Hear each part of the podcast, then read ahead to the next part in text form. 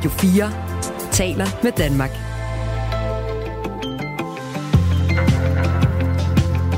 Velkommen til Radio 4 morgen.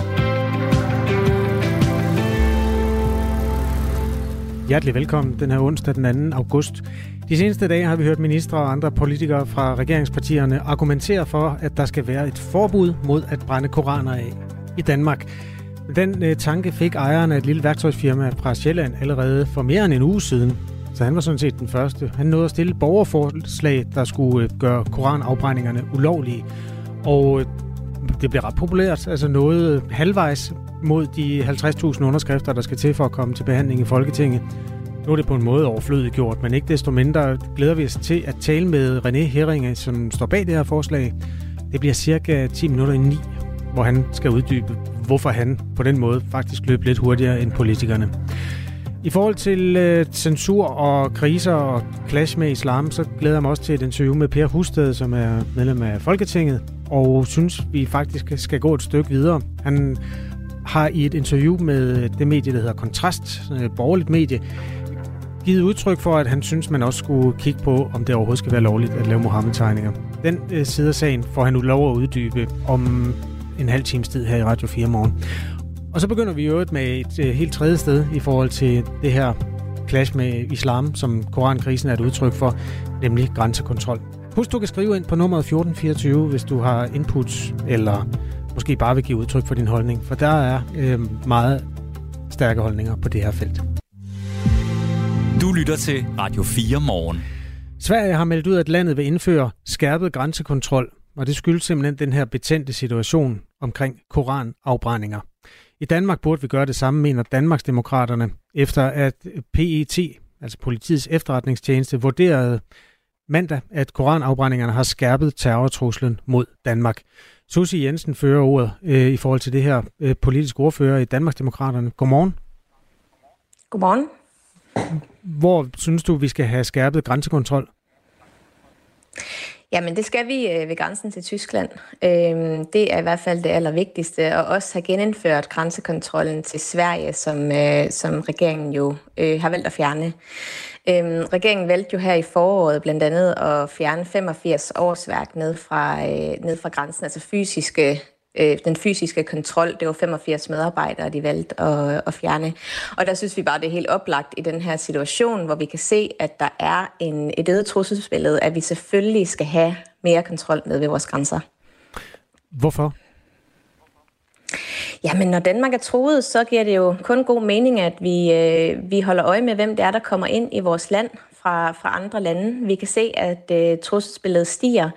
Øh, militante islamister har øje på Danmark i øjeblikket, og lige, fuldstændig ligesom Sverige øh, helt naturligt synes, at, øh, at selvfølgelig så skal man så holde øje med, hvem der, der kommer ind i ens land, så skal vi selvfølgelig også gøre det samme. Vi har lige et skriftligt svar fra justitsminister Peter Hummelgaard, som er socialdemokrat, øh, om, i forhold til det her. Jeg læser, det er lidt halvlangt, men jeg læser lige op, Susie Jessen, så kan du forholde dig til det bagefter. Ja, ja. Som bekendt genindførte regeringen grænsekontrollen mod Tyskland den 12. maj 2023 og styrkede samtidig den meget kriminalitetsbekæmpende politiindsats i Danmarks grænseområder. Regeringen tager den nuværende situation meget alvorligt, og den seneste tids koranafbrændinger har, som PET også har sagt, betydning for det aktuelle trusselsbillede, og myndighederne følger situationen nøje. På nuværende tidspunkt er det imidlertid ikke vurderingen, at der er anledning til at ændre på rammen for tilrettelæggelsen af den nuværende midlertidige grænsekontrol. Jeg ønsker derudover ikke at komme nærmere ind på, hvilke operative tiltag myndighederne foretager sig. Justitsministeriet kan i øvrigt henvise til Rigspolitiet, siger øh, justitsministeren, som jo altså også er i dialog med PET omkring det her trusselsbillede, Susie Jessen. Hvorfor tror du ikke, han har taget den rigtige beslutning? Jamen det, som øh, virker til at være regeringens løsning her, det er at, øh, at dukke nakken for de her øh, religiøse fanatikere og de her øh, diktaturstater, og simpelthen øh, ændre på dansk lovgivning, fordi de tror os til det. Det er regeringens løsning. Det, som vi i Danmarksdemokraterne mener er, bør være den rigtige løsning, det er at, øh, at øge vores øh, sikkerhed ved vores grænser, passe på vores land, og så i øvrigt stå fast på vores værdier, ligesom vi gjorde under Mohammed-krisen. Hvis vi ikke gør det, så vinder diktaturstaterne. Ja, nu kommer du lidt ind på diskussionen om, hvorvidt man skal forbyde koranafbrænding. Det, det er lidt noget andet. Det her, det handler om, hvorvidt ja. man skal lukke grænser, eller hvor meget man skal lukke grænserne, hvor meget man skal holde øje med de mennesker, der krydser grænserne. Og der siger justitsministeren altså, som jo er i tæt dialog med PET om det her, at det er ikke øh, det, der er brug for lige nu. Hvorfor tror du ikke, det kan være den rigtige Men... beslutning så? Men grunden til, at jeg kommer ind på koranopbrændinger, det er jo, fordi det hele hænger sammen. Altså, det øgede trusselsbillede mod Danmark er her jo, fordi at der er nogle mennesker i vores land, som har valgt at øh, bruge deres ytringsfrihed til at brænde nogle koraner af, og derfor så er der en, øh, en øget trussel mod, øh, mod Danmark i øjeblikket. Og der ser jeg bare, at regeringens løsning jo så er at, øh, at vælge at, øh, at dukke nakken for de her mennesker, i stedet for at øge sikkerheden omkring vores land at holde lidt ekstra øje med, hvem det er, der kommer ind i vores land. Det giver jo kun god mening, at man lige sætter en ekstra lås på sin hoveddør, hvis det er, at man ved, at der er en, øh, en øget risiko for, for indbrud. Nu gentager jeg bare lige, han er i tæt dialog med PET omkring det her. Altså, tror du ikke, PET ved, hvad man skal gøre i, i den her type sager? Jeg ved ikke, hvor, hvor meget justitsministeren vælger at lytte til, til PET, men øh, vi er jo også politikere. Vi tager selv vores egne valg for, hvordan vi vil, vi vil, øh, vi vil øh, passe på vores land, kan man sige. Og det har de jo gjort i Sverige. Der synes de, at det er helt naturligt, at man intensiverer kontrollen ved grænserne, hvis det er, at man mener, at der er et behov for at kunne øh, identificere de mennesker, som kommer ind i vores land og kan udgøre en sikkerhedstrussel. Og selvfølgelig skal vi gøre det. Og der er det bare meget bekymrende, at regeringen i foråret valgte at lempe grænsekontrollen og fjerne medarbejdere fra grænsen. Det var 85 stykker, som de valgte at fjerne fra grænsen dengang. Og det er bare bekymrende i den her situation, hvor der ikke kun er trusler mod Danmark, men hvor vi jo også ser en kæmpestor migrantkrise nede i Sydeuropa, hvor der er tusindvis af mennesker, der i øjeblikket søger asyl i EU. Vi er altså nødt til at passe på vores land, og der er vi altså også nødt til at holde øje med, hvem der kommer ind i det. Vi har jo spurgt en masse partier om, hvad, hvordan de forholder sig til det her, hvor I altså i Danmarksdemokraterne har fundet jeres ben at stå på. Vi har ragt ud, altså nu sagde jeg lige, hvad Peter Hummelgaard, Socialdemokraten, øh, justitsministeren, øh, altså det var sådan regeringens holdning til det. Øh, vi har været i kontakt med en lang række af oppositionspartier, som alle skriver, at det er op til myndighederne at vurdere, om det er nødvendigt. Øh, vi har dog også svar fra Liberal Alliances retsordfører Steffen Larsen, som skriver en kort sms. Han skriver, hvis det vurderes, at korankrisen kræver bedre sikkerhed ved vores grænser i en sikkerhedsvurdering, så støtter vi naturligvis, at der skal gøres mere for at sikre nationens ydre grænser. Øhm, Susie Jessen, det er jo sådan lidt et, et af mange tiltag over for terrorbekæmpelse, det med grænsekontrollen. Mm. Og de gange, hvor der er sket terrorangreb, så er det jo lige så ofte sket med mennesker, der var i landet i forvejen. Hvor, hvor overbevist føler du dig om, at den der prop, den bliver sat i ved at lukke grænsen? Jamen altså, det er jo selvfølgelig en ud af flere ting, man kan gøre. Det er, det er klart, men det er jo også på en eller anden måde lidt, øh, lidt tragikomisk, at man, man ser det her med, at øh, folk de hele tiden siger, at grænsekontrollen ikke virker, men noget af det første, som andre lande gør, når det er, at der er en, øh, en krise eller en, en sikkerhedspolitisk situation, som forværres, så er det, at man, øh, man, øh, man styrker grænsekontrollen. Og det, det giver jo bare god mening. Det, det er ret logisk, at man passer på sit land og holder øje med, hvem det er, der kommer ind i det. Men det er jo en af flere ting, vi skal gøre. Men det eneste, jeg ser regeringen gøre i øjeblikket, det er jo egentlig bare at bukke under og, øh, og dukke nakken for de her mennesker og, be, og begrænse vores ytringsfrihed. Og det er bestemt den forkerte vej at gå. Vi skal passe på vores land, vi skal styrke kontrollen, men vi skal bestemt ikke øh, give køb på vores principper. Susie Jessen, du vil så gerne tale om øh, det koranafbrændingsforbud, så kan du da lige få en sms fra vores lytter Marie hjemme, der lytter med, fordi hun er øh, muslim. Hun skriver, Folk må brænde Koranen så meget, de har lyst til, men lad være med at kalde det ytringsfrihed. I en civiliseret verden håner man ikke andre på grund af deres tro eller race eller etnicitet. Hvad er det for et signal, man sender til vores børn? Er det okay at mobbe, spørger hun. Jamen, øh, hun, har, hun har jo egentlig ret, at øh, man, folk må jo gerne brænde Koranen, som hun siger, som, som de har lyst til. Men jeg er da egentlig enig med hende. Jeg vil heller aldrig brænde nogen bøger. Det kunne jeg da ikke finde på. Jeg vil hellere læse i bøger, end at brænde dem. Øhm, men, men folk har jo egentlig bare ret til at gøre, hvad det er, de vil. Altså, det, det er jo det, der er hele, hele princippet ved det her. Og det er også bare, det andet princip, det er, at vi ikke skal lade diktaturstater nede i Mellemøsten, som Iran og Irak, gå ind og definere, hvordan dansk lovgivning skal være. Det er det, der er det grundlæggende problem her, og det er der, at regeringen virkelig fejler. Ja, øh, dog er der også mennesker i Danmark, der synes, vi skal have sådan et afbrændingsforbud, og en af dem, han hedder René Herringe. Han har lavet borgerforslag, som fik øh, en del tusind underskrifter i sin korte levetid. Øh, nu bliver han så overhalet af virkeligheden, men han skal faktisk være med i Radio 4 morgen, cirka 10 minutter i 9. Mm. Så du kan da bare øh, blive på linjen og lytte med, hvis du skulle få lyst, Susie Jessen. Det lyder godt, men det kan være, at du også har lyst til at, til at spørge ham, om det så også skal gælde et uh, forbud mod afbrænding af tørklæder, som de iranske kvinder jo også har gjort i mange uh, dele af verden. Skal det også være et forbud mod det? Fordi det hylder vi jo egentlig, og det synes jeg er helt fantastisk. Det er et godt input. Det skal jeg nok tage med. Tak skal du have. Mm. Det er i orden. Det er godt. God dag. Okay. Uh, Susie Jessen er politisk ordfører hos Danmarks Demokraterne og er altså tilhænger af i første omgang noget mere grænsekontrol som en udløber af korankrisen og det øgede trusselsbillede. Klokken er kvart over otte. Det her er Radio 4 morgen. USA's tidligere præsident Donald Trump er blevet tiltalt for sammensværgelser og for forsøg på at bedrage USA. I den suverænt største af sagerne mod Donald Trump er der tirsdag aften blevet overleveret et officielt anklageskrift mod den kontroversielle rigmand og i øvrigt præsidentkandidat, eller i hvert fald aspirant til det, øh, næste gang.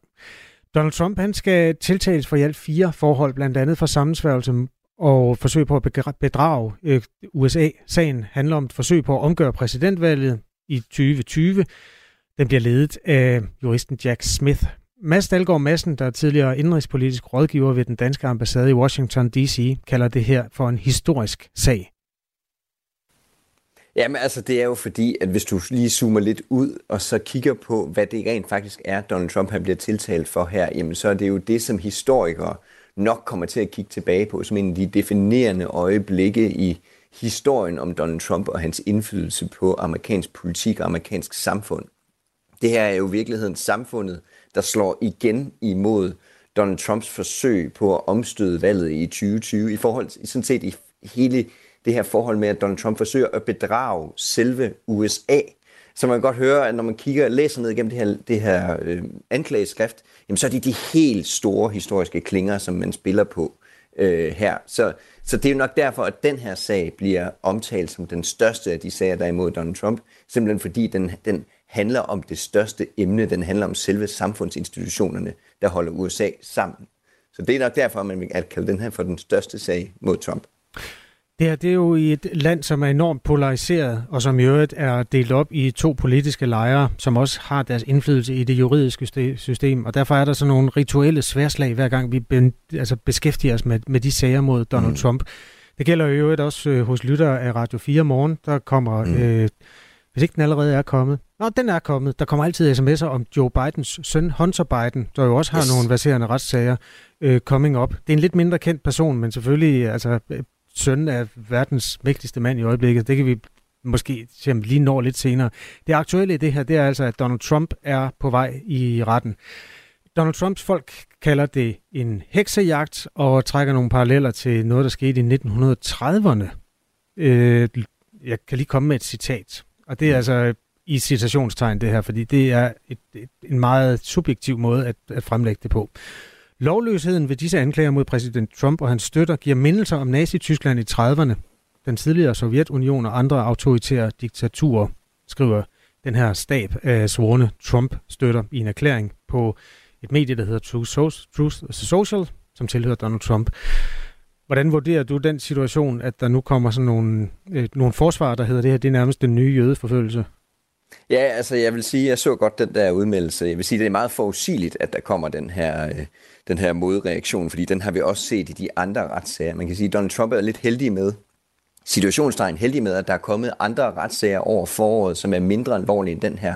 Og det har givet ham muligheden for at skabe en historie om, at det her det er politisk motiveret. Det er nogle institutioner, der prøver at få ham ned med nakken. Det er sumpen, det er The Biden Crime Family, der prøver at få ham ned med nakken. Og den her historie, den, øh, den er virkelig fundet klangbund i det republikanske parti, og bliver derfor nu anvendt til det, som den skulle, og det er at politisere den her retssag, så den i virkeligheden bare igen bliver indlemmet i den politiske diskussion i USA, og bliver et politisk skakbræk, som noget, som Donald Trump har haft, haft meget stor held med. Så jeg vil sige, det er forudsigeligt, at der kommer de her former for udtalelser. Men jeg bed særligt mærke i den der, da den kom frem i går, også fordi den kom fra øh, nogle officielle talspersoner fra Donald Trump-kampagnen at man så kommer op på den, øh, den klinge, jamen det er, viser igen, at der er ikke rigtig noget sådan umiddelbart grænse for, hvor langt man vil gå i amerikansk indrigspolitik nu, især på den retoriske klinge.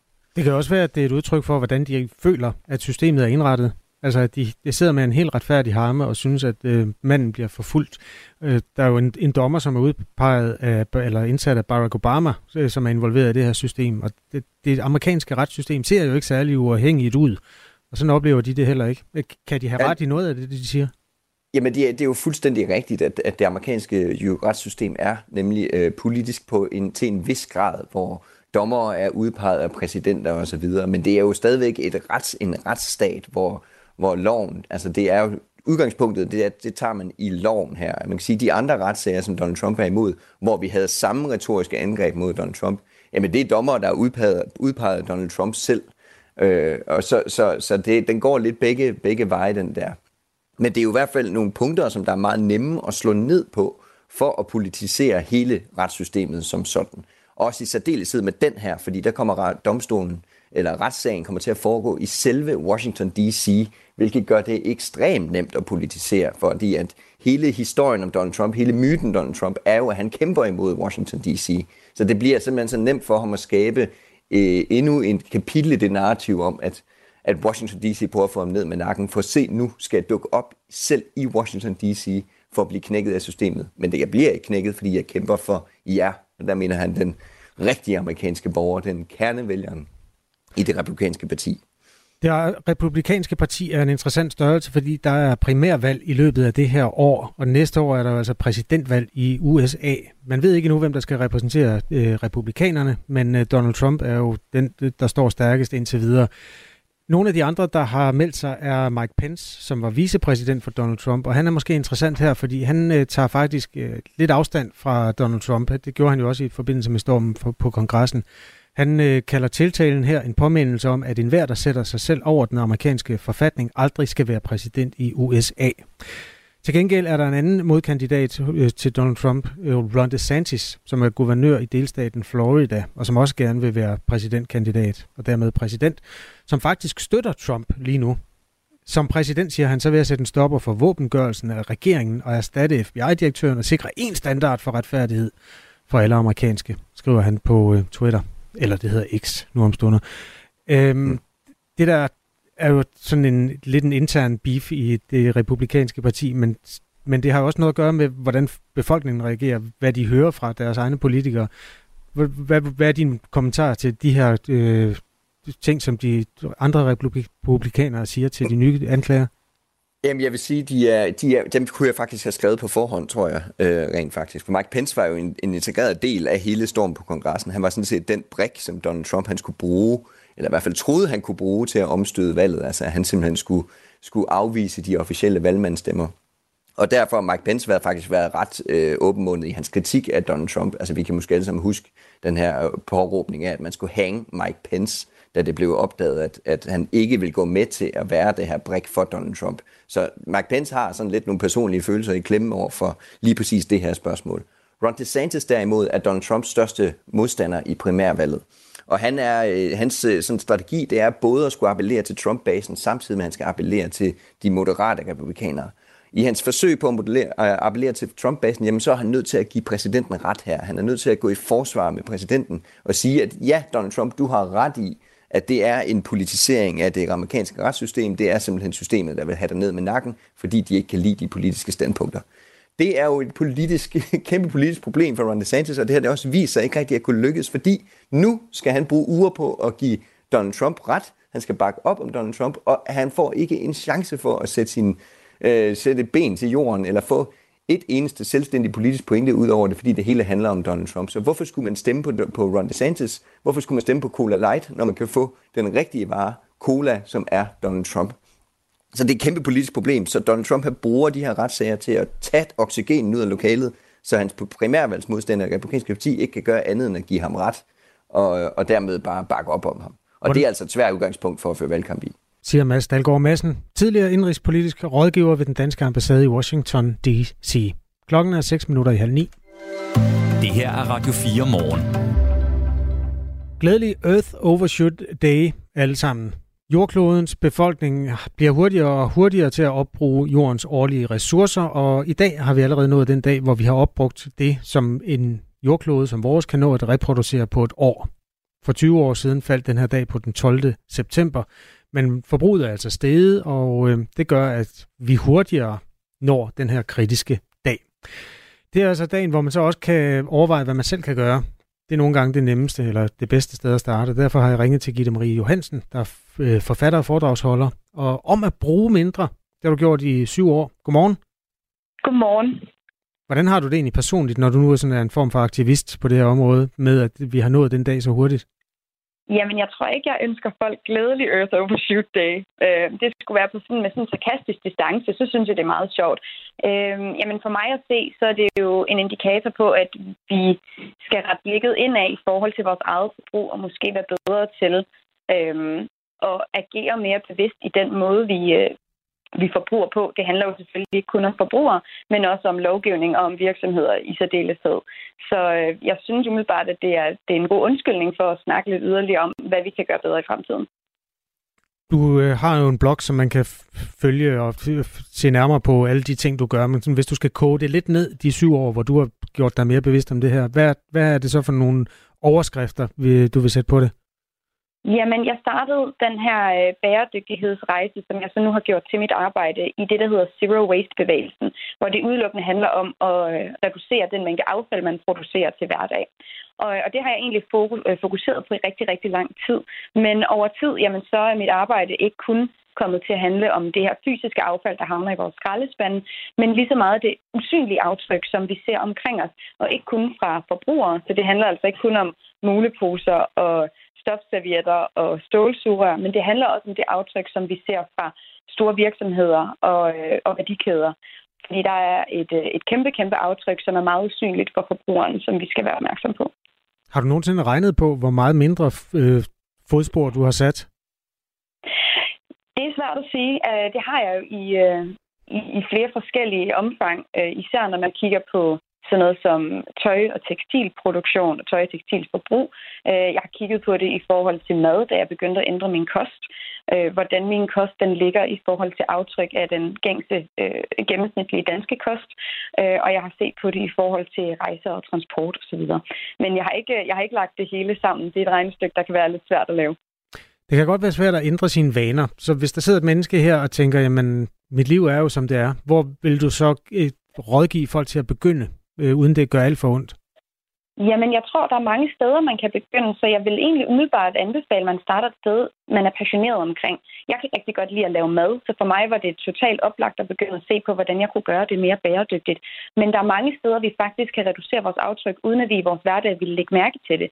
Sådan et sted som hvor vi har vores penge, hvilken bank vi bruger, hvilken pensionsopsparing vi bruger, har et kæmpe, kæmpe stort aftryk, fordi at de her penge jo ikke står stille, men bliver investeret. Og i rigtig mange tilfælde ved mange pengeinstitutter, der bliver det investeret i fossile brændstofprojekter. Så man kan ringe til sin bank, man kan ringe til sin pensionsopsparing og få de her penge flyttet ud af de her projekter, og så kan man faktisk reducere CO2-aftryk, man slet ikke vidste, man havde. De giver bare ikke det samme afkast, de grønne puljer der. Det, de halter lidt efter. At, at det er ikke engang løgn. Altså, det er der flere det undersøgelser, der viser. Hvad for noget? Jamen, det kan man håbe, de kommer efter. Jeg har i hvert fald flyttet alle mine, og så, øh, så lever jeg med, at jeg måske ikke øh, bliver lige så super duper rig, men så støtter jeg det mindste ikke de her projekter. Det, som ofte dukker op her, er, at det er lige meget, hvad enkelt personer gør, fordi lige om lidt er der en milliard kinesere, der skal på flyrejse hver sommer. Øh, hvordan gør du selv, øh, hvad skal man sige, hvordan overlever du selv det paradoks, at at, at dit aftryk er så lille? Jamen umiddelbart, så vil jeg jo faktisk ikke synes, at mit aftryk er lille. Der er jo det ved det, at rigtig meget af aftrykket, der kommer fra for eksempel Kina, det kommer jo på bekostning af, at mange vestlige virksomheder og danske virksomheder har outsourcet deres produktion til Kina. Så meget af det aftryk, der kommer fra alt det lort, vi køber, ja, du kommer til at sige lort, det håber jeg godt, man må sige ret. Det må du, ja, ja, okay. Det er Earth Day, alt er til. alt alt det, vi køber, jamen det, produktionen af det bliver ikke produceret i Danmark. Det er de færreste produkter, der rent faktisk bliver det. Øh, så derfor der vælger jeg altså altid konsekvent at se på, jamen hvad kan jeg gøre? Det er meget ukonstruktivt at kigge på Kina og så sige, jamen der er så mange kinesere, så jeg kan ikke gøre en forskel. Men mange i Kina kigger på Danmark og ligesom bruger andre lande som sådan en, øh, hvad skal man sige, en bar for levestandard. Og, og jamen, vi har et kæmpe, kæmpe stort aftryk. Danskerne har et af de største CO2-aftryk i verden.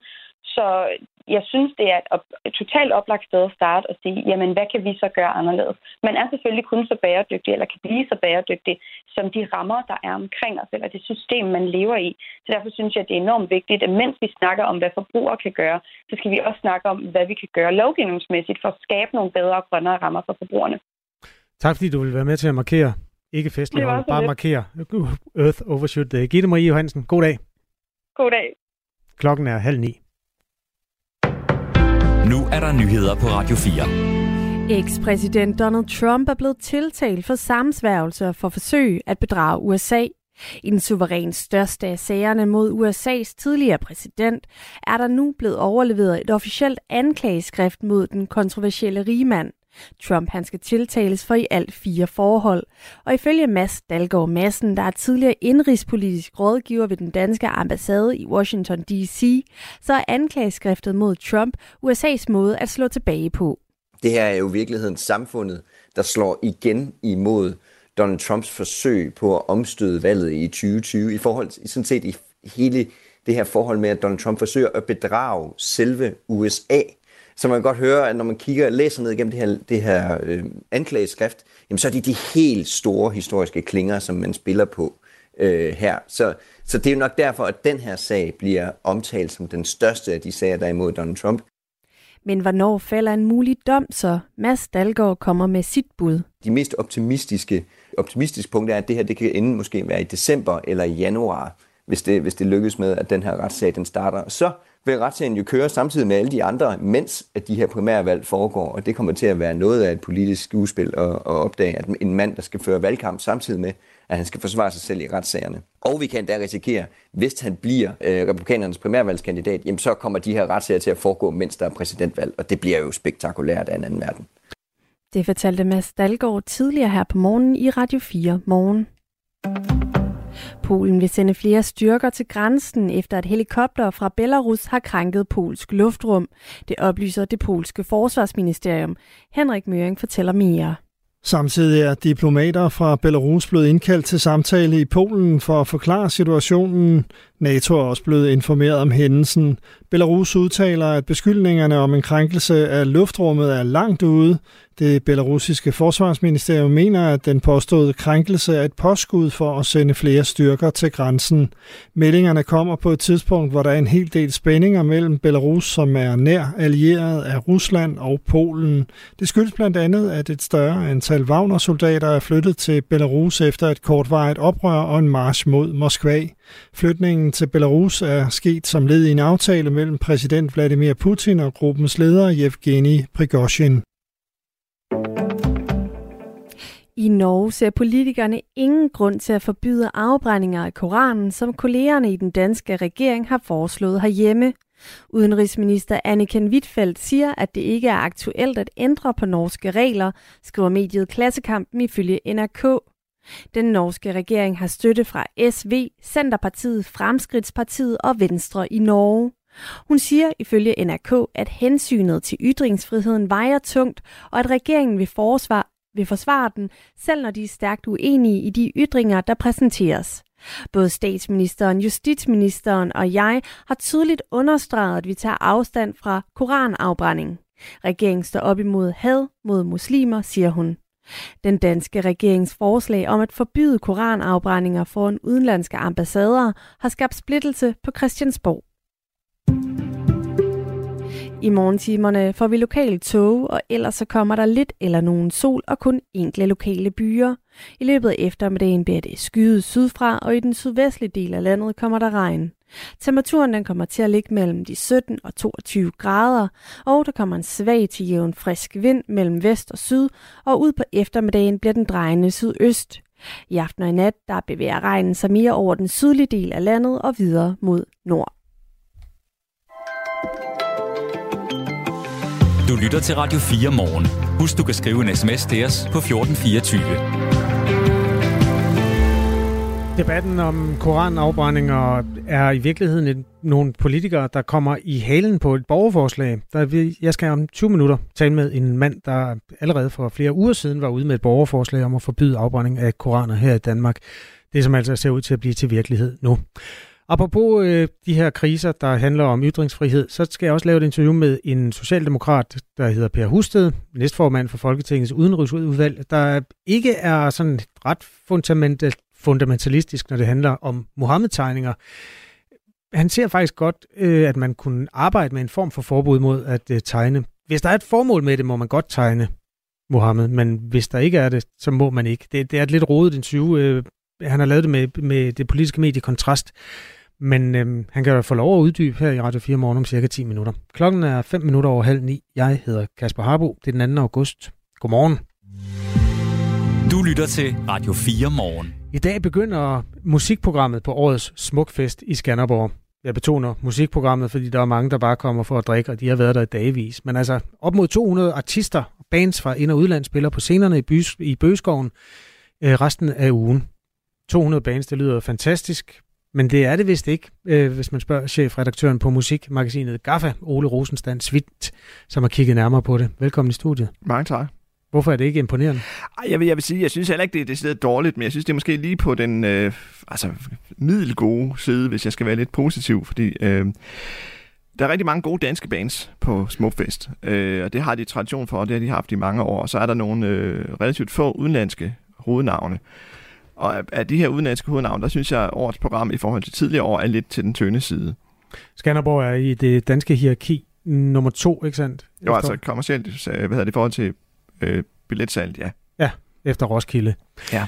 Øh, man har et meganavn, hvis man synes, det er et meganavn, Christina Aguilera. Øh, sidste år var der blandt andet Justin Bieber, Gorillaz og Kraftwerk, så på, lige på den der, i den ende af programmet har man skruet lidt ned, men altså, hvad skal der til for at imponere dig?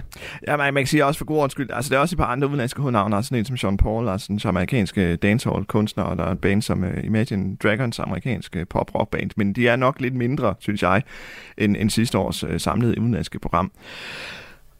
Jamen, der plejer at være nogle få udenlandske navne, altså man kan sige, øh, hvis vi går lidt tilbage i historien, Øh, nu er jeg simpelthen... Øh, Altså, du står simpelthen med et print af gamle Ja, altså nu har jeg kigget lidt. Altså, der var Britney Spears, så kan man sige, Britney Spears, jo, det var en øh, koncert, som fik rigtig dårlige anmeldelser, fordi det primært var playback, men altså, hun var dog trods alt et, et stort navn øh, en gang. Og samme år, som der var Britney Spears, det var i 2018, der var også Kendrick Lamar, den amerikanske stjerne-rapper, øh, som gjorde det rigtig godt. Øh, der var også Post Malone, en anden rap, øh, eller sang-rapper, som også øh, gjorde det rigtig godt. Og så der var ret mange store navne det år øh, i 18, og så er det sådan måske blevet lidt, der er kommet lidt længere mellem snapsene øh, i de senere år. Jeg er selv vokset op i omegnen af Skanderborg, så jeg har gået på den festival i mine unge dage. Øh, jeg skal ikke med i år, og det har jeg ikke skulle i overvis. Men øh, altså, dengang der var det rimelig sløjt nogle gange. Der var det sådan noget med, at man havde støvet status quo, eller sådan et eller andet øh, sådan lidt antikveret banedag, og så satte man det sammen med det danske line-up, der nu altid var der. Altså, er, er man ikke også blevet mere krævende sådan, som koncertgænger, når man vil have verdensnavne ude i en skov i Skanderborg? Jo, det er rigtigt. Der har også været år tidligere, hvor det også har været, kan man sige, endnu mere, øh, kan man sige, småkedeligt. Øh, jo, men der er stor konkurrence på øh, festivalmarkedet. Øh, altså, øh, da jeg begyndte at gå til festivaler for måske 25 år siden, der var ligesom tre store festivaler. Altså, der var Roskilde, og så den øh, nu gang Midtfinds Festival, og så var der Skanderborg. Det var sådan de tre store festivaler, der var. Mm. Og nu er der jo kommet øh, alt muligt andet. Northside, Tinderbox, Heartland, Syd for Solen, øh, Copenhagen. Så der er lige pludselig mange flere festivaler, der ligesom øh, forsøger at overbyde program hinanden øh, for ligesom at tiltrække publikum. Så det gør også, at man bliver mere kredsen som, øh, som publikum. Hvad er det for nogle konjunkturer, så hvis jeg må bruge sådan lidt øh, businessagtigt ord, der rammer festivalerne i de her år? Fordi jeg synes ikke, at det er den eneste festival, der bliver skældt ud på i forhold til programmet. Altså der er sket det, at de, mange af de der rigtig store navne, altså nogle som Beyoncé for eksempel, eller Billie Eilish, øh, og andre mega navne, øh, de spiller som regel ikke festivaler. Lana Del Rey var også der, eller i hvert fald spiller de kun få festivaler. De vil hellere spille deres egne koncerter, øh, altså på stadions for eksempel, hvor de ligesom selv bestemmer det hele. Og det, det gør de jo, fordi de primært kan dels få det fuldstændig, som de vil have det, altså i forhold til logistik og scenekonstruktion og sådan noget, og så kan de jo også øh, måske tjene endnu flere penge på den måde, fordi mm. så har de det hele øltal og alt muligt andet. Men, men betyder det, at de er svære at få fat i, eller de bliver ja, dyrere de bliver endnu dyrere, og, de, og de, de, de er måske ikke engang i udbud. Altså, at, at de, de vil måske simpelthen kun spille stadion, for eksempel. Jeg har besøg af Ole Rosenstand Svindt, som er fungerende chefredaktør på musikmagasinet GAFA, fordi vi ser nærmere på, ja nu bliver det jo egentlig hele festivalbranchen, men den aktuelle anledning er, at øh, Smukfest i Skanderborg starter sit øh, program i dag. Vores øh, kollega Christine Sølling Møller har også været en tur på, altså i Bøgeskoven for at tale med nogle af de mennesker om, hvad de glæder sig allermest til. Jeg glæder mig rigtig meget til Minds, The Minds of 99. Og min mor hun kommer i morgen, og vi skal og høre Lars Lilleholdt, og så hiver jeg hende med til ukendt kunstner, og så kan vi mødes sådan lidt på midten, tænker jeg. Jeg vil jo meget gerne høre øh, D&D. Dem hører jeg tit, når de er her. Eller hvor jeg kan høre dem. De er gode til at underholde. Og så kan jeg lide musikken. Bookingchefen på Smukfest, Michael Xavier, siger, at de har booket 45 af de 50 mest ønskede danske navne. Så det lyder jo meget godt, Ole. Ja, danske navne. Jamen, det er fint. De har altid været gode på den danske front. Man kan sige, mange af de her danske navne, der spiller på Smukfest, de spiller jo også alle mulige andre steder. Men man kan selvfølgelig sige, at på Smukfest kan man få dem alle sammen på en gang. Du skal selv afsted i dag. Hvad glæder du dig mest til? Jamen, jeg glæder mig nok alligevel til at se Christina Aguilera, fordi det er første gang i Danmark, hun spiller i 20 år. Hun er man kan se, hun havde måske sin kommercielle storhedstid for 20 år siden, men altså, jeg har tjekket nogle YouTube-klip med hende, og hun kan stadigvæk godt synge. Så det, det tror jeg faktisk godt, øh, øh, det tror jeg, øh, det er nok det, jeg ser mest frem til. Altså, det er i virkeligheden også noget af det, festivalerne nogle gange kan. Lidt ligesom, altså hvis du forstår øh, analogien her, dengang, hvor øh, Pulp Fiction blev lavet, den har du set, ikke? Ja, ja. Og John Travolta, han pludselig dukker op i sådan en, en rolle, der, hvor han bliver fuldstændig kult. Er der ikke også lidt af det element i at støve noget af, som folk har et, et, et varmhjertet forhold til, at måske lade kunstnere genopfinde sig selv? Jo, helt klart. Helt klart. Øh, der kan komme nogle, nogle kan man sige, overraskelser. En anden ting, hvis jeg lige kigger lidt tilbage, der var det år, hvor de havde Sia, den australske sangerinde, øh, på Smukfest i 14-15 stykker. Det var måske lidt en alternativ koncert øh, i forhold til sådan en almindelig smukfest, øh, men det var i hvert fald en, øh, synes jeg, en, en positiv overraskelse, fordi det var, hun lavede et show, der var helt anderledes end, end en typisk øh, smukfest-koncert. Det her, det er altså øh, den smuk fest, der starter i dag. I virkeligheden er det mm, meningsløst at øh, markedsføre den i radioen, fordi billetterne er solgt for tusind år siden, så folk, der sidder og føler sig fristet af det, vi taler om nu, de har ikke en chance for at få fat i en billet. Men ikke desto mindre. Det kan være, der er folk, der er på vej til planerne, fordi de har investeret de der godt 3.000 i det. Hvis nu de er det, og ikke har givet at læse musikprogrammet, og det er ikke bare noget, jeg står og finder op, opfinder her. Der er faktisk mange af dem, Christine hun mødte derude, som bare har købt en billet bevidstløst, fordi de skal afsted hver eneste år. Hvad, hvad vil du anbefale, hvis de skal have noget kultur, at de du hører i dag? Jamen altså, nu lige i dag ved jeg faktisk ikke så meget, men altså, man kommer lidt længere ned. Øh, man kan også nævne sådan en som Eva Max, en amerikansk popsanger, som har, er relativt øh, ny på banen. Hun har haft lavet to plader og har haft et, nogle få hits. Øh, men en, en af mine kollegaer har set hende i Hamburg her for nylig, hvor hun faktisk gjorde det ret godt. Øh,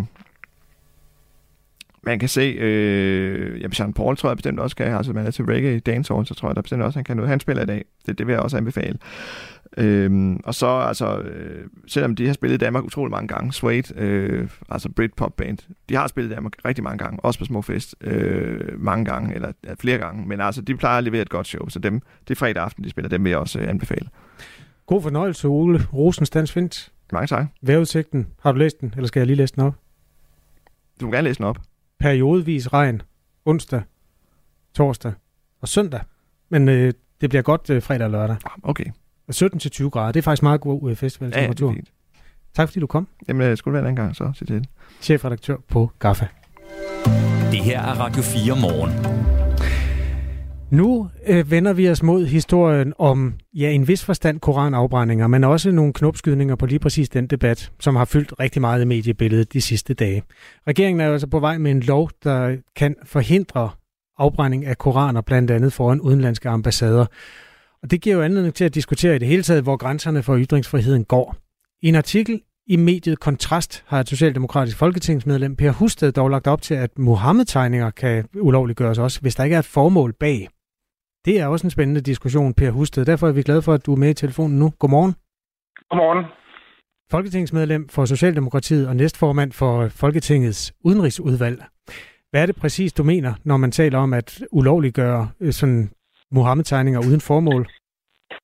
Jamen, jeg synes egentlig, man skal lige starte et andet sted. Det, man lægger op til, det er jo at øh, forbyde koranafbrænding og lignende. Og så er jeg blevet spurgt til, hvad Orline kan være, og hvor man så lægger lidt ordene i munden på mig, at det kunne være Mohammed-tegninger. Men jeg synes ikke, man skal se et lidt bredere perspektiv. At vi skal gøre alt, hvad vi kan for at bevare ytringsfrihed. Men der kan komme så meget støj på linjen, med nogle ligegyldige øh, ytringer, øh, som, ikke er, som ikke bidrager til en god debat. Og der synes jeg egentlig, vi skal skabe nogle rammer, der gør, at, øh, at alle kan komme til ord. Det synes jeg ikke, man kan i dag, fordi det bliver sådan råben og skrigen, hvor nogle enkelte personer kommer til at sætte dagsordenen. Så jeg synes, vi har behov for sådan en god diskussion af, hvad er ytringsfrihed, og hvordan sikrer vi, at øh, alle kan komme til ord. Er det nogensinde lykkedes at nedsætte en uafhængig kommission, der kan vurdere, hvilke meninger, der er stuerene og brugbare, og hvilke meninger, som man skal sortere fra, fordi de kan være at høre på? Er der højst sandsynligt ikke. Men altså, jeg, jeg er gået ind i politik, fordi jeg har nogle holdninger til, hvordan jeg synes, vores samfund skal være. Og der synes jeg, øh, at det, jeg kommer frem med, det er sådan det moralske kompas, jeg har inde i mig selv, hvor øh, jeg synes, det er vigtigt at have respekt for andres holdninger, og at man har respekt for, at ytringsfrihed øh, virkelig er noget af det vigtigste, vi har. Og, men at den kan misbruges, sådan at det bliver noget højt råbende noget. Hvis jeg ser for eksempel på mange mediers øh, Facebook-sider, øh, hvor de lægger artikler op, så lukker de, de, de spor, hvor man kan kunne kommentere, fordi at der er mange, der kommer med nogle... Altså, hvor der kommer hundredvis af kommentarer, som ødelægger en debat fuldstændig. Og det, det, der kan man sige, der knægter man jo egentlig min ytringsfrihed, for jeg, der er samtidig, jeg godt kunne tænke mig at kommentere en artikel, eller hvad det kan være, øh, på Facebook, men hvor, hvor øh, det simpelthen bliver ødelagt af, at der ligger 100 kommentarer, og hvis jeg skriver noget, så bliver det svinet til, eller hvad det gør. Hvad jeg også kan se, der er blevet noget af det, jeg, jeg har sagt i forbindelse med den her debat. Så for mig er det en mere generel debat om, hvordan vi diskuterer. Det er jo også en meget. Det er en meget øh, principiel ting, om man må tegne meget. Mohammed. Hvis nu jeg øh, får lyst til at lave et vægmaleri, som er 15 meter højt, øh, Mohammed med en bombe i turbanen, og så et eller andet form for budskab, der tilkendegiver altså, noget disrespektfuldt over for øh, muslimernes profet der. At, at, vil det være over den grænse, som du snakker om nu? Men så synes jeg godt nok, du skal til at tænke på en anden måde, for det, det var der faktisk en avis, der gjorde for mange år tilbage. Så det, det, det er jo blevet brugt. Men det er øh, lovligt, og det bliver slået fast rigtig mange gange. Det, ja, og der, hvis dit budskab det er øh, noget konkret, som øh, vi kan bruge til noget, og det ikke er bare for at provokere, så, så skal du egentlig have lov til det. Men provokation Men, kan jo godt nogle gange være en del af det politiske debat øh, værktøjskasse. Jo, jo, og det bruger vi jo alle sammen. Det bruger jeg jo også selv. Øh, men jeg synes, at der er mange måder at gøre det på. Og dat, altså, for mig er vores ytringsfrihed så dyrbar, at man skal passe på, at man ikke misbruger den, og at man ikke får... Øh, for, for hvad hedder, debatten kommer til at handle om det, det, den måde, du gør det på, frem for dit budskab. Og det er jo faktisk det, der er sket. Altså, der er jo næsten ikke et øje, der kan sige, hvad, hvad diskussionen egentlig handler om. Det hele der kommer til at handle om øh, nogle handlinger, som, øh, som vi alle sammen synes er, er vanvittige. Ikke? Næsten alle sammen, vil jeg tro. Jeg tror også, der er nogen, der ikke synes, det er vanvittigt. I hvert fald er der mange, der sådan sætter pris på retten til at gøre, hvad man har lyst til, uanset om de så bryder ja. om det. Det er jo der, den skillelinjen går. Men i resten altså hvis jeg skulle have lyst til at gå nøgen ned af strøget i morgen, det, har, det, det må jeg jo ikke. At der er en begrænsning på mig også. Så kan jeg godt sige, at jeg vil lave en demonstration. Et eller andet, der er nok ikke mange, der har lyst til at se, at jeg gik nøgen ned af strøget. Men der, der, i et samfund er man nødt til at have nogle spilleregler for, hvordan vi øh, kommunikerer, og hvordan vi har, viser respekt for hinanden, og hvordan vi har en ordentlig diskussion. Og det, det, det er den diskussion, jeg gerne vil have på en mere generel plan. Ja, men nu bliver det bare meget konkret, når vi taler om Mohammed-tegninger. Det er jo altså også meget øh, vigtigt og, og fint at få den øh, løftet igen. Det er bare enormt overraskende, at der er et menneske her, der, der går ud og siger, at man faktisk er klar til at forbyde Mohammed-tegninger. Prøv lige at give et, et konkret eksempel men på, jeg, hvornår... Jeg har, jeg, har, jeg har aldrig sagt, at jeg vil forbyde Mohammed-tegninger. Jeg, jeg siger bare, at der skal være et formål med de ting, øh, man gør. Mm. Men og det... det synes jeg ikke, der er øh, altid. Og Var der det hvordan... med de 12 oprindelige Mohammed-tegninger? Det synes jeg, der bragte en, en god diskussion. Jeg siger, jeg, jeg, jeg vil personligt ikke selv have gjort det på nogen måde, men diskussionen var der god, der kom ud af det. Okay. Hvad så altså, de, de efterfølgende gen, genoptrykninger i Charlie Hebdo, øh, satiremagasinet, var det også øh, en god diskussion? Jamen, øh, du får jo udstillet, at der er nogle konflikter i verden, og, og de er ret synlige for os alle sammen. Nu synes jeg så, at man skulle komme til at få løst de konflikter i stedet for. Fordi at vi graver jo bare grøfter mellem øh, forskellige kulturer. Og, og så synes jeg også, man skal lige ind og kigge på, nu er det med, med, med den konflikt, vi har nu. Det er to lande, det er Danmark og Sverige, som har den, og hvor vi, og der bliver fremført meget af, det, det er vores ytringsfrihed. Altså, jeg synes, der er mange andre lande, som har lige så god ytringsfrihed som os, hvor man faktisk har nogle regler, som lige præcis afgrænser, at man undgår de konflikter, vi er inde i. Per Husted taler med nu, folketingsmedlem for Socialdemokratiet, næstformand i Udenrigsudvalget. Øhm, det har ikke været en, der har ikke været enighed i Socialdemokratiet blandt folketingsmedlemmerne om, hvorvidt der skal lovgives mod koranafbrændinger. Retsordfører Bjørn Brandenborg har understreget et øh, debatindlæg, at ytringsfrihed skal stå over religion, men som netop har trukket land på spørgsmålet begrundet i sikkerhedshensyn. Socialdemokratiets øh, politiske ordfører Rasmus Stoklund står bag regeringen, men nævnte mandag i P1-debat, at han har en forståelse for kritikken af regeringens udspil, som jo altså fører til en form for øh, forbud. Øh, per Husted, støtter du forslaget om, at man lovgiver mod netop koranafbrændinger i enhver forstand? Det, man er i gang med i øjeblikket, det er at undersøge, hvordan man kan gøre det på en måde, som øh, tager mest hensyn til den brede ytringsfrihed. Og det sparker jeg fuldstændig op om. Der ligger jo ikke nogen konkret forslag nu. Juridisk er man ved at undersøge, hvad vi kan gøre inden for, for de, øh, altså hvor vi kan gøre det sådan, der er hensyn til, at vi skal have en god og og ordentlig øh, ytringsfrihed. Og det støtter jeg fuldstændig op om. Hvem, øh, prøv, kan du nævne et navn på et menneske her i Danmark, der skulle sidde i den komité, der skulle afgøre, hvornår noget er et lødigt politisk budskab, og hvornår det bare er for at svine andre til? At man for eksempel brænder en koran eller tegner Mohammed? Altså det tror jeg, at, øh, det kan jeg ikke nævne en person, jeg lige synes, men jeg synes, man skulle prøve at kigge lidt på det moralske kompas, etisk kompas, men se på, hvordan ønsker vi egentlig en debat i Danmark? Og er det den her måde, vi ønsker en debat på? Og inden for alle andre områder, der laver vi jo præcis regler, øh, eller vi, vi prøver at styre øh, samfundet sådan, at, at der bliver taget hensyn til hinanden. Som det er nu, bliver min ytringsfrihed knægtet med, at jeg for eksempel, som jeg nævnte, ikke kan kommentere øh, på øh, en avisartikel, eller hvad det kan være, fordi at der er nogle kræfter, der får ødelagt debatter konstant. Og jeg synes, det er bekymrende. Jeg havde for eksempel en kronik i øh, Jyllandsposten i går omkring iværksætteri, som jeg brænder meget for. Jamen, sådan noget øh, forsvinder jo fuldstændig. Altså noget, der, der er vigtigt for vores udvikling i Danmark, den forsvinder fuldstændig i en debat som det her, fordi I, også I som journalister, synes, at, at der, der, er mere, der er mere overskrift i at diskutere sådan noget som det her.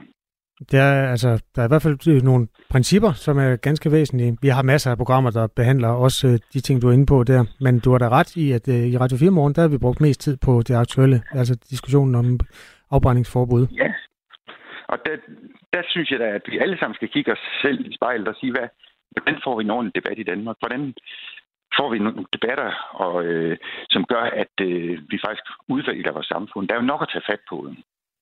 Tak fordi du var med, Per Husted. Selv tak. Folketingsmedlem hos Socialdemokratiet og næstformand i Folketingets udenrigsudvalg. Christian han spørger retorisk, hvad er forskellen på at brænde en koran i fældeparken kontra foran en ambassade? Det spørger Christian om. Øhm, og så er der en, der skriver, at Mohammed-tegningerne var lovlige. Blasfemiloven var guld værd for få og Per Stig Møller. Og vedkommende har ret. Øh, per Stig Møller var faktisk med i Radio 4 morgen forleden og talte om det diplomatiske arbejde, den rejse, han var på til arabiske lande i de varmblodede måneder og år efter øh, Mohammed-tegningerne satte tingene i brand. Og øh, det faktum, at han havde en blasfemilov at fortælle om, altså at man også havde nogle grænser, og at øh, folk kunne blive straffet for at overtræde øh, visse, altså at den ikke bliver brugt så tit, det sagde han måske ikke øh, til de araber, han talte med, men øh, det, det gav faktisk noget goodwill på de kanter. Så øh, det sagde Per Stig Møller her i Radio 4 morgen forleden og det er muligvis også det, der bliver refereret til her. Farid skriver, jeg er ikke muslim. Det er pinligt, at Danmark og Sverige. Man har bestemt ikke fuld ytringsfrihed her i Danmark. Det er til grin. Øh, Facebook har ikke lovet, nu er vi over i Tommys sms, Facebook har ikke lovet ytringsfrihed. Det har grundloven. Skriver Tommy.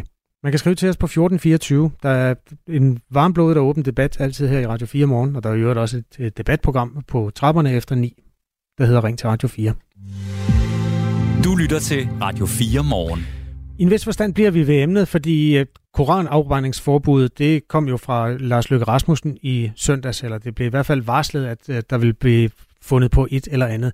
Men tanken om at forbyde afbrænding af koraner meldte sig langt tidligere hos ejeren af et lille værktøjsfirma på Sjælland. Øhm, han har stillet et borgerforslag, der opfordrer til at gøre koranafbrændinger ulovlige. Det er populært. Det er nået på den her uges tid. Halvdelen af de støtter, der skal til for at komme op og blive behandlet i Folketinget, det bliver som formentlig ikke aktuelt nu, men René Hering, tillykke alligevel. jo, tak skal du have. Jeg ved øhm. ikke, om der er så meget at sige tillykke med, før vi er i mål, men, øh, men tak.